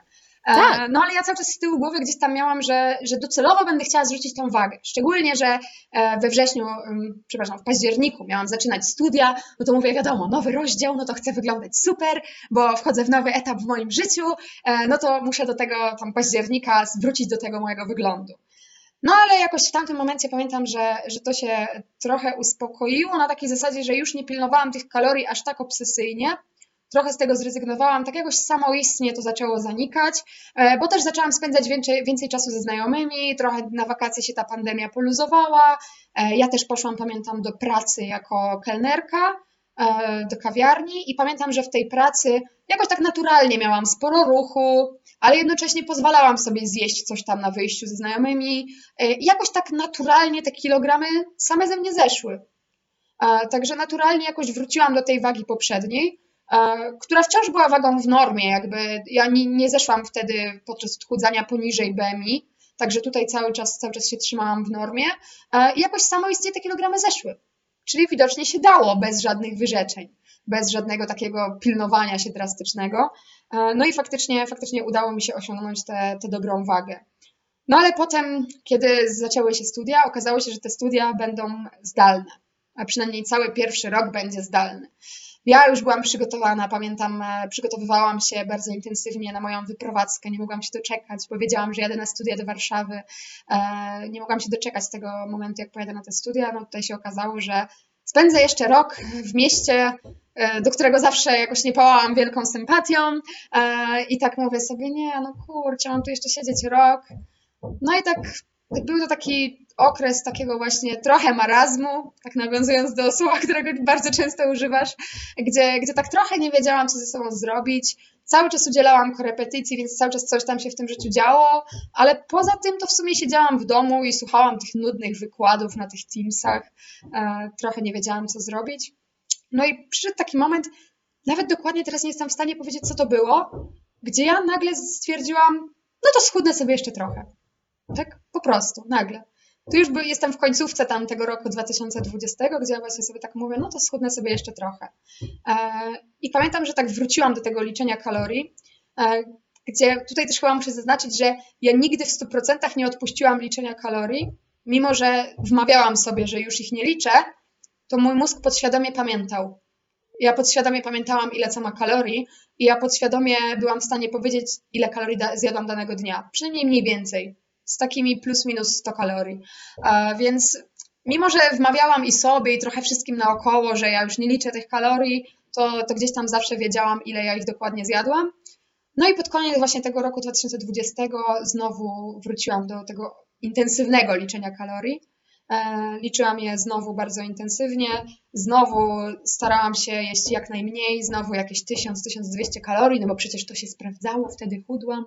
E, tutaj nawet momentami schodziłam poniżej tego. E, pamiętam, że potrafiłam sobie robić tak, że bo ja ogółem, to mi zostało do dzisiaj, że ja bardzo lubię duże objętościowo posiłki. E, I dzisiaj po prostu wiem, jak skomponować duży objętościowo posiłek, żeby on był bogaty w wartości odżywcze i nie dostarczał 2000 kalorii naraz, ale wtedy nie miałam o tym pojęcia, więc ja potrafiłam na przykład nie jeść cały dzień, ale zrobić sobie dużą kolację, która wtedy wydawało mi się, że jest ogromna kalorycznie, bo ma 500 kalorii. Tak? E, no ale czekałam do tej kolacji, bo wtedy będę mogła zjeść więcej na wieczór, niż tak to jakbym to rozłożyła na cały dzień i jadła tak po troszku. No to dla mnie było lepiej, jakbym sobie zjadła to w jednym posiłku wieczorem. E, no i pamiętam, że robiłam sobie takie challenge, ile to dam radę zjeść jak najmniej. Czyli znowu trochę wróciłam do tego, co było. E, I tym sposobem na początku 2021 e, pierwszy raz weszłam na niedowagę. Pierwszy raz to BMI się załamało, było zbyt niskie. Ja pierwszy raz zrzuciłam tych kilogramów tak dużo. W tamtym momencie to już było łącznie 20 kilo odwagi startowej, czyli tak jak zakładałam na początku 13-14, no to trochę więcej zrzuciłam. Trochę dużo więcej. E, no i faktycznie po tych 20 kilo zrzuconych to BMI już, już było dość niskie.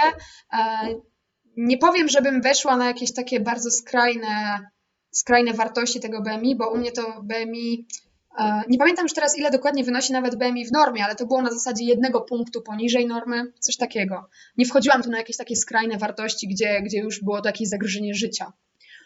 Zagrożenie zdrowia Owszem, cały czas było zagrożenie zdrowia. W tamtym momencie, jak schudłam tak dużo, to, to pamiętam już, widać było po mnie praktycznie same kości, e, już e, włosy, prawie ich nie było, włosy to mi wypadały garściami, e, paznokcie w stanie tragicznym, skóra biała jak kartka papieru, no wyglądałam i czułam się tragicznie, no bo też razem z tym przyszły pierwsze jakieś omdlenia, także takie jakieś Właśnie pamiętałam, pamiętam, że w domu kiedyś e, wstałam, żeby pójść do mojego brata do pokoju i nagle w holu nagle się osunęłam na ziemię. Potem właśnie moja mama z moim bratem mi to opisywali, że ja po prostu jakby nagle się tak osunęłam na ziemię, ale w taki bardzo spokojny sposób. Nie, że upadłam i sobie coś zrobiłam, tylko ja bardzo spokojnie osunęłam się na ziemię, a ja w tym momencie pamiętam, że ja wstałam i ja byłam w takim amoku i ja powiedziałam, ja po prostu chciałam się położyć. Do mnie w ogóle nie docierało, co się dzieje dookoła mnie. Naprawdę. I pamiętam, że moja mama była przerażona, no bo wtedy już do niej dotarło, że chyba to zaszło trochę za daleko, że ona cały czas gdzieś tam mi powtarzała, że, że trochę za chuda już jesteś, że, że może już stop ta dieta, że, że może już wystarczy, ale wtedy już była taka mocno przerażona i tak mówiła, że czy jadłaś coś w ogóle od rana? No, a ja tak oczywiście, że no tak, tak, no, jadłam, no. Nie chciałam też jej martwić, no. Wydawało mi się, że ma dosyć zmartwień na głowie, żebym ja jeszcze dawała jej swoje zmartwienia gdzieś tam, że, że faktycznie jest u mnie gorzej, bo też zaczęłam wtedy, wtedy już tak świadomie zaczęłam zauważać, że, że może to są jednak zaburzenia. Wtedy, wtedy w ogóle w tym, na początku tego 21 roku dotarło do mnie, że kurczę, chyba to jednak nie jest takie odchudzanie, tylko że przez cały ten czas to chyba jednak były zaburzenia. I to wtedy tak do mnie mocniej dotarło. E, I nawet pamiętam, analizowałam takie swoje zdjęcia z urodzin, bo ja też w, lutych, w lutym mam urodziny i były takie zdjęcia przy torcie. Do dzisiaj jak patrzę na te zdjęcia, to płakać mi się chce, bo na tym, zdjęciu, na tym zdjęciu pamiętam stoję z takim bukiecikiem kwiatów, który dostałam nad tortem. Wyglądam jak cień człowieka, wyglądam jakbym płakała, a ja mam po prostu tak duże cienie pod oczami i mam na sobie sukienkę, którą kupiłam dosłownie kilka miesięcy wcześniej i ta sukienka na mnie wisi. Ona, ta sukienka wygląda jakby wisiała na kościotrupie. I wyglądam tragicznie na tym zdjęciu i wyglądam jakby to były najgorsze urodziny mojego życia, naprawdę. A, a takie nie były. A, ale z perspektywy czasu teraz tak to widzę. Wtedy tego nie widziałam. Wtedy wydawało mi się, że ja patrzę w lustro i że ja cały czas jestem gruba. Nawet jakby miałam niedowagę. Ja pamiętam, ja patrzyłam w lustro, potrafiłam stanąć przed lustrem i po prostu się popłakać. Oczywiście nie robiłam tego, jak ktoś był w domu, bo to był dla mnie ogromny wstyd ale jak tylko kogoś nie było w domu, ja stawałam przed takim dużym lustrem, gdzie było widać mnie całą i ja tylko znajdowałam kolejne fałdki na moim ciele, bo wydawało mi się, że jestem gruba i potrafiłam się rozpłakać i wręcz wpadać w takie ataki paniki, gdzie ja już nie wiedziałam, co ja mam robić. Ja mówię, mówiłam sama do siebie, że no nic nie daje to odchudzanie. Ja ucinam te kalorie, ucinam i dalej nie mogę. No, było, było to straszne. Mm, I w pewnym momencie jakoś postanowiłam, że, że chyba czas się trochę ogarnąć z tym wszystkim. Trochę też zaczęłam sobie na, na więcej po prostu pozwalać, że okej, okay, zjedz wreszcie jakieś słodycze, y, wyjdź z tymi znajomymi na tą pizzę. I jakoś tak naturalnie z tej niedowagi wtedy wyszłam. Udało mi się, udało mi się dojść do takiej wagi granicznej, z której mój organizm już w ogóle jakby dalej nie chciał ani chudnąć, ani tyć. Pamiętam, że to była taka waga powiedzmy o 1 kg wyżej od granicy BMI, czyli byłam w takim powiedzmy bezpiecznym w tamtym momencie punkcie i ja już zaczęłam obserwować, że nieważne co ja robię, czy nieważne czy ja się obiadam, nieważne czy się głodzę, zauważyłam, że ta waga stoi w miejscu. I to mi trochę też uświadomiło, że kurczę, czyli może po prostu jedząc intuicyjnie i słuchając się tego swojego organizmu, może faktycznie mogę zostać w takiej wadze. E, I trochę faktycznie udawało mi się to utrzymać. E, ta waga się utrzymywała przez długi, długi czas. Ja poszłam też w międzyczasie na studia już na żywo, przeprowadziłam się do tej Warszawy. No ale ta przeprowadzka do Warszawy też spowodowała to, że wreszcie mieszkałam sama. Czyli wreszcie mogłam mieć kontrolę nad jedzeniem, taką jaką chciałam. E, mieszkałam prawda ze współlokatorką, no ale przecież ona mi nie będzie mówić, jak ja mam jeść. Więc wreszcie nie było nade mną rodziców, brata, którzy by mi mówili, że coś, jest, coś jem nie tak. Także ta przeprowadzka do Warszawy wbrew pozorom e, nie wpłynęła aż tak dobrze na to, na to moje samopoczucie, no bo w, pod koniec 2021 roku e, znowu wpadłam w niedowagę, bo znowu schudłam. Co prawda wtedy to było trochę takie nieświadome, bo, bo jadłam po prostu bardzo mało, przy tym miałam bardzo intensywny tryb życia e, i w pewnym momencie weszłam na wagę i zobaczyłam, o, mam niedowagę. Już zobaczyłam tą niedowagę na wadze, masło myślane, e, to spodobało mi się to. No bo tak sobie mówię, kurczę, no znowu jestem w tej niedowadze, a przecież wtedy podobała mi się sobie stosunkowo najbardziej. Znowu był ten płaski brzuch, e, były jakieś tam, nie wiem, bardziej wystające kości e, i wydawało mi się, że wtedy, z tej perspektywy czasu, że wtedy byłam chuda. No gdzie wtedy stałam przed lustrem i płakałam, więc gdzie tu jakaś logika? No ale pamiętam, że no, spodobała mi się ta, ta niedowaga, no i wtedy pierwszy raz zeszłam jeszcze niżej z tą wagą, czyli schudłam jeszcze 1 kilo. E, I, I, to, był taki, to była taka granica, po której bo to się wszystko działo na przestrzeni tam kilku miesięcy. Tutaj też e, pamiętam dużo jakichś takich sytuacji, gdzie też e, pamiętam dużo płakałam właśnie, dalej się sobie nie podobałam, mimo że znowu byłam w tej niedowadze. To było takie zamknięte koło, chudłam, tyłam, chudłam, tyłam. W międzyczasie pojawiły się jakieś pierwsze napady obiadania, takie większe, bo to wcześniej już wspominałam, że gdzieś tam się to pojawiało, a tutaj się pojawiały już takie większe, bo ten organizm już, już nie miał z czego brać tej energii. No i ja potrafiłam się rzucić na jedzenie. Najczęściej to się działo po prostu wieczorami, jak wracałam do domu, to rzucałam się na jedzenie i to była taka faza, gdzie ja potrafiłam zjeść olbrzymie ilości kalorii, naprawdę. Jak sobie teraz o tym pomyślę, to nie wiem, jak mój żołądek w ogóle to mieścił, ale wtedy naprawdę potrafiłam się rzucić i to jeszcze było, to była taka fala, że to musiało być jedzenie, na przykład jeżeli zaczęłam od słonego, to musiało być potem słodkie od razu. I to leciało... Oczywiście, że tak. Tak, i to leciało falami, że ja potrafiłam zjeść chipsy, ciastka, chrupki, czekoladę, y, potem znowu coś słonego i tak na zmianę. I, to, mhm. i to się nie kończyło na jednym batoniku, na który się rzuciłam. Nie, to się zaczynało od jakiegoś batonika czy paczki ciastek, ale nigdy się nie kończyło na jednej paczce. To, to leciało dalej. I, I w tamtym momencie pamiętam, że po takich kilku napadach obiadania, no bo oczywiście po napadach obiadania to wydaje mi się już jest dość powszechne i znane wszystkim, wyrzuty sumienia i katowanie się następnego dnia. Yy, taki, taki specyficzny kac. Tak. I to zarówno taki kac moralniak, tak. taki kuźwa gorszy niż po alkoholu, jak i kac, że faktycznie ten organizm y, masz zgagę, ten żołądek jest dosłownie taki jak po alkoholu, tylko zamiast alkohol zniszczyło cię y, obiadanie. Tak, tak. I faktycznie mhm. następnego dnia po każdym takim obiadaniu się, no to budziłam się i czułam się fatalnie. Czułam się fatalnie, było mi niedobrze, e, czułam się nadal taka pełna po tym poprzednim dniu. No, było to ciężkie, tak. I to faktycznie dobre porównanie tutaj do, do takiego mocnego kaca, że faktycznie nie dość, że psychicznie, to jeszcze fizycznie czułam się fatalnie. E, no i po takich kilku napadach obiadania, które zaczęły się zdarzać coraz częściej, bo już tak raz w tygodniu takie napady były, jak nie częściej, czasami były nawet w seriach po kilka dni pod rząd, e, udało mi się wyjść z tej niedowagi i dość szybko przytyłam wtedy chyba ze 3-4 kilo, e, wracając do tej mojej wagi którą wcześniej miałam tą taką wyjściową, w której nie mogłam ani przytyć, ani schudnąć, czyli wagi bardzo dobrej. E, I pamiętam, że w tamtym momencie postanowiłam sobie, że pójdę na siłownię, e, że, że zacznę ćwiczyć, bo też miałam dłuższy okres wolny, były ferie na studiach e, i pamiętam, że postanowiłam, że pójdę na siłownię. I ta siłownia naprawdę mi się spodobała. Ja tutaj nie robiłam nic z przymusu. Naprawdę, kurczę, ta aktywność fizyczna zaczęła mi sprawiać radość. Naprawdę, ja nie mogłam się doczekać, jak każdego dnia szłam na tą siłownię, żeby zrobić progres w tych ćwiczeniach. I naprawdę dawało mi to tyle radości, że, że mega się cieszyłam, że, że chodzę na tą siłownię. No i, i widziałam też progres w tych ćwiczeniach, że mogłam ćwiczyć coraz dłużej, coraz, coraz więcej, coraz większe ciężary brać e, i to było naprawdę fajne. E, I tutaj nie powiedziałabym, że, że się katowałam, raczej na początku bardzo mocno się zajawiłam na takiej zasadzie, że potrafiłam być na, tej siłowni codziennie.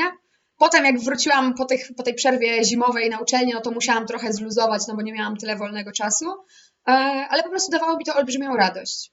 No i po takich chyba dwóch, trzech miesiącach takich e, intensywnych ćwiczeń, e, pamiętam, że na wadze okazało się, że przytyłam.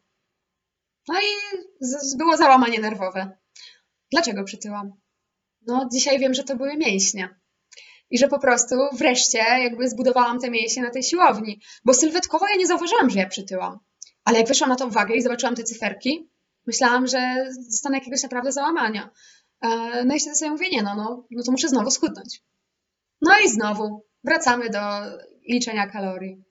E, no i wróciłam znowu do liczenia i takie wahania były kilka razy. E, to już był rok 2022, tak? E, I, i takich wahań było, było kilka. E, wtedy też, mm, wydaje mi się, że wtedy, nie wiem czy pierwszy raz, też nie pamiętam tego aż tak dobrze, ale na pewno wtedy pojawiło się więcej sytuacji bulimicznych, które też nie były fajne w całym tym procesie. No ale w momencie, kiedy ćwiczyłam dużo, organizm chciał jeść więcej, więc tych napadów też potrafiło być więcej, no bo organizm po prostu był wygłodzony i potrzebował energii do tych ćwiczeń. E, no a po takich napadach zaczęły mnie łapać znowu te wyrzuty sumienia. No i zaczęłam tak sobie wtedy myśleć, no kurczę, no skoro tyle słyszałam o, tych, mm, o tej bulimii, że dziewczyny faktycznie zjadają takie ilości jedzenia i wymiotują i są szczupłe, no to może u mnie też zadziała. No teraz jak sobie o tym myślę, no ciężki temat, bo wtedy pamiętam te, te napady, było ich coraz więcej. Wydaje mi się, że te napady pierwsze raz się pojawiły na początku 2022, e, jeszcze przed pójściem na siłownię pierwszy raz, ale jak poszłam na siłownię, to one były już takie bardziej nasilone. U mnie największym takim, taką rzeczą, która mnie powstrzymywała przed tymi napadami bulimi, było to, że mieszkam ze współlokatorką. No bo jak była w domu, to mi było wstyd pójść do łazienki i zmusić się do wymiotowania. Więc ja łapałam momenty, kiedy jej w domu nie było. Bo miałyśmy też tak ułożone plany zajęć, że najczęściej ja miałam zajęcia od rana, a ona popołudniami. Więc się miałyśmy w tym domu. I pamiętam, że ja starałam się łapać te momenty, na przykład wiedziałam, że ona wraca o 21, to ja wręcz sobie ustawiałam, ok, to zwymiotować możesz do 20, bo wtedy jej jeszcze nie będzie w domu. I to się robiło tak absurdalne. Tutaj też nie wiem, czy to kiedykolwiek było, było wspomniane tutaj w podcaście, że bulimia wygląda też w ten sposób, że na początku zaczyna się to niewinnie, bo jest to słynne włożenie dwóch palców do gardła, ale potem ten odruch zaczyna zanikać. E, już się nie ma odruchu wymiotnego, jak się włoży dwa palce do gardła, tylko trzeba szukać nowych sposobów. Ja pamiętam, że ja wtedy robiłam tak głupie rzeczy, e, bo w pewnym momencie dwa palce już nie wystarczały, no to zaczęło się wkładanie całej ręki do gardła, żeby się zmusić do wymiotowania. E, jak cała ręka zaczęła nie wystarczać, bo naprawdę ten odruch w pewnym momencie po prostu zanika, albo organizm już po prostu się broni przed tym, to zaczęłam szukać w internecie odpowiedzi. Wiesz co, faktycznie dziewczyny e, tutaj wcześniej o tym nie opowiadały za bardzo, a ze względu na to, że ja też sama no, od razu nie miałam takiego odruchu i mnie się nigdy nie udało, to też trudno mi ten temat tak właśnie bardziej zgłębić, ale y, dla mnie jest też ciekawy temat tego, jak bardzo to zęby niszczy. I ciekawa jestem, czy u Ciebie też to się tak odbiło tak, na zębach? Tak, tak, tak. E, odbiło się jak najbardziej. E, może u mnie nie w takim dużym stopniu, bo u mnie przez to, że właśnie miałam ograniczone te napady, to znaczy nie mogłam, nie mogłam wymiotować codziennie, e, to, to były raczej takie wymiotowanie raz na tydzień, raz na dwa tygodnie, czasami raz na miesiąc. E, więc u mnie to nie było takie też codzienne, więc nie wyniszczyło mi to aż tak e, tych zębów, jak to słyszałam, że jest w innych przypadkach. Aczkolwiek faktycznie zaczęły się pojawiać jakieś takie bardziej takie stany, powiedzmy, gdzie się robią jakieś dziury w zębach, coś bardziej tego typu. To tak, faktycznie coś, coś takiego się pojawia, e, ale nie, nie w takim stopniu, jak to słyszałam, że faktycznie może mieć miejsce u innych dziewczyn. Także, także tak odpowiadając na Twoje pytanie. No i powiedz mi, kiedy nastąpił przełom? Hmm, wiesz co? Ciężkie, ciężkie pytanie, bo tak naprawdę mi się wydaje, że jakby kilka razy już mi się wydawało, że już wyszłam z tego. Już kilka razy myślałam, że już jest super, bo tak naprawdę czy całe zeszłe wakacje w 2022 roku były super. E, ja w ogóle już zrezygnowałam z liczenia kalorii, e, czy na przykład e, potem jakieś tam okresy, nie wiem, pod koniec 2022 też wydawało mi się, że jest już super. Tak naprawdę dosłownie chyba z miesiąc czy nie, nie wiem, półtora temu, dotarło do mnie, że chyba nigdy z tego nie wyjdę, tak w stu procentach. Znaczy, że zawsze będę to miała gdzieś z tyłu głowy i, i do dzisiaj jakby mam to gdzieś z tyłu głowy. E, tak naprawdę jestem teraz pod opieką pani dietetyk, e, bo w międzyczasie też robiłam badania, bo oczywiście po zaburzeniach bardzo mi się posypały wyniki badań. E, też wyszło, że mam kilka schorzeń tutaj bardziej genetycznych, e, przez które właśnie wylądowałam między innymi u pani dietetyk, bo mam hipercholesterolemię e, rodzinną, przez którą no, jest ten cholesterol po prostu wyższy, w skrócie mówiąc, i, i nie wynika to z mojego żywienia, tylko z genów, no ale przy okazji warto zwrócić uwagę na żywienie, dlatego zostałam wysłana do pani dietetyk. No i też pod jej, pod jej okiem staram się wdrażać takie zdrowe nawyki żywieniowe, bo ona też zwróciła uwagę na dużo takich rzeczy, mm, na które ja może nie zwracałam aż tak uwagi, a które pomagają mi obecnie, czyli między innymi pamiętanie o jedzeniu śniadania, bo to została mi taka naleciałość jeszcze z zaburzeń, że nie jadłam śniadań. Teraz staram się faktycznie może nie od razu po przebudzeniu, bo nie jest to w moim stylu, ale staram się faktycznie jeść te śniadania, tak, żeby dostarczyć te wartości odżywcze od rana. E, no i takie jakieś drobne rzeczy, które zmienia w moim żywieniu, które też uczą mnie takich zdrowych nawyków żywieniowych. E, nie mówię, że w 100% odeszłam już też od liczenia kalorii, bo, bo, zdarza mi się to robić. I, no i dalej w tej podświadomości jest to z tyłu głowy, gdzie co, ile ma kalorii. E, niestety to jeszcze pewnie przez długi czas będę pamiętać. E, ale no, staram się powoli, powoli wychodzić na prostą. Wydaje mi się, że na przykład od ostatniego miesiąca mogę powiedzieć, że ostatni miesiąc był takim dość przełomowym na takiej zasadzie, że, że faktycznie cały ostatni miesiąc muszę powiedzieć, że jestem zadowolona z tego, jak jem, jakie mam podejście do jedzenia, że już faktycznie nie odmawiam sobie. To też było takim, myślę, to polecam każdemu, e, wdrożyć słodycze do diety. Po prostu. Ja sobie pozwalam, ja uwielbiam słodycze, ja sobie nie wyobrażam z nich zrezygnować i jeżeli mam ochotę zjeść batonika, to ja zjem tego batonika, bo ja wiem, że prędzej czy później ja się na niego rzucę. Jeżeli będę go sobie odmawiać przez tydzień, to za tydzień ja się rzucę na pięć takich batoników, a mogę zjeść teraz jednego i zaspokoić tę swoją ochotę. Więc tutaj wydaje mi się, że faktycznie od tego miesiąca jest tak super, super. E, no ale nie wykluczam faktu, że, że w każdym momencie może coś się stać takiego, że znowu to wróci. Tak? No bo mówię, takie ostatnie załamanie, które pamiętam, no to było takie właśnie miesiąc temu gdzie, gdzie mhm. jeszcze ten, ten nawrót był. Powiem tak, jako osoba doświadczona życiowo. moim zdaniem, ja to też chyba mówiłam w podcaście, jeśli to trwa jakiś czas, kilka lat, to z tego się nie wyjdzie w miesiąc. I ten proces wychodzenia, nie znam badań żadnych, absolutnie, ale myślę, że on po prostu od momentu, kiedy postanawiasz faktycznie coś zmienić, to później drugie tyle, co to trwało, będzie trwało wychodzenie, że poczujesz się tak dość pewnie. Więc na pewno mogą się po drodze pojawić jeszcze gorsze momenty, ale to, co jest naprawdę zajebiste w tym wszystkim, że z każdym tym momentem, kiedy już masz taką świadomość i naprawdę chęć bycia zdrową, i to mówię już pod kątem fizycznym, psychicznym, coraz łatwiej się podnieść i coraz bardziej jest się dla siebie wyrozumiałym. A jak dodać jeszcze do tego, i to nie jest już tylko moje zdanie, ale naprawdę za dużo naprawdę, ale osób, które, e, z którymi się otaczam i jak rozmawiam z ludźmi starszymi trochę ode mnie, to z każdym rokiem nabiera się więcej takiego, takiej wyrozumiałości dla siebie. W ogóle 30 jest podobno magiczna. Ja mam 27, a już widzę, jak bardzo się moje podejście do mnie samej zmieniło. Więc y, jestem przekonana, że że idziesz w dobrym kierunku e, i nawet jeśli będą takie momenty zwątpienia, że nie udźwigniesz tego, to spokojnie to udźwigniesz. E, to nie jest łatwe, ale jest do zrobienia i ja to wiem, że powtarzam w każdym podcaście, ale taka jest prawda, bo ja tak samo myślałam, cholera, to już będzie tak do końca wyglądało, ale po ostatnim e, roku mogę stwierdzić, że może wyglądać o wiele lepiej. I że oczywiście gdzieś z tyłu głowy masz taki zaburzony obraz tego wszystkiego, ale on już nie jest aż tak yy, dobijający. I nawet taki gorszy moment, że to potrwa 2-3 dni, yy, a nie tydzień, po którym masz wyrzuty sumienia, tylko 2-3 dni stwierdzasz, kurwa, here we go again. I następnego dnia już jest ok.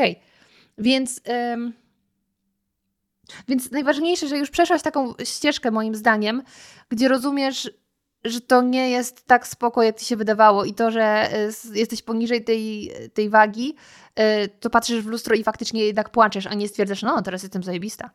Że to nie ma nic wspólnego z tym, ile ważysz, to jak się czujesz ze sobą tak naprawdę. Tak, tak. No zdecydowanie to, co zyskałam na przestrzeni powiedzmy ostatniego pół roku, no to jest zdecydowanie ta, ta świadomość, że, że teraz staram się też um, każdy taki sygnał, który mówi mi o tym, że to może być nawrót, trochę tak gasić w zarodku.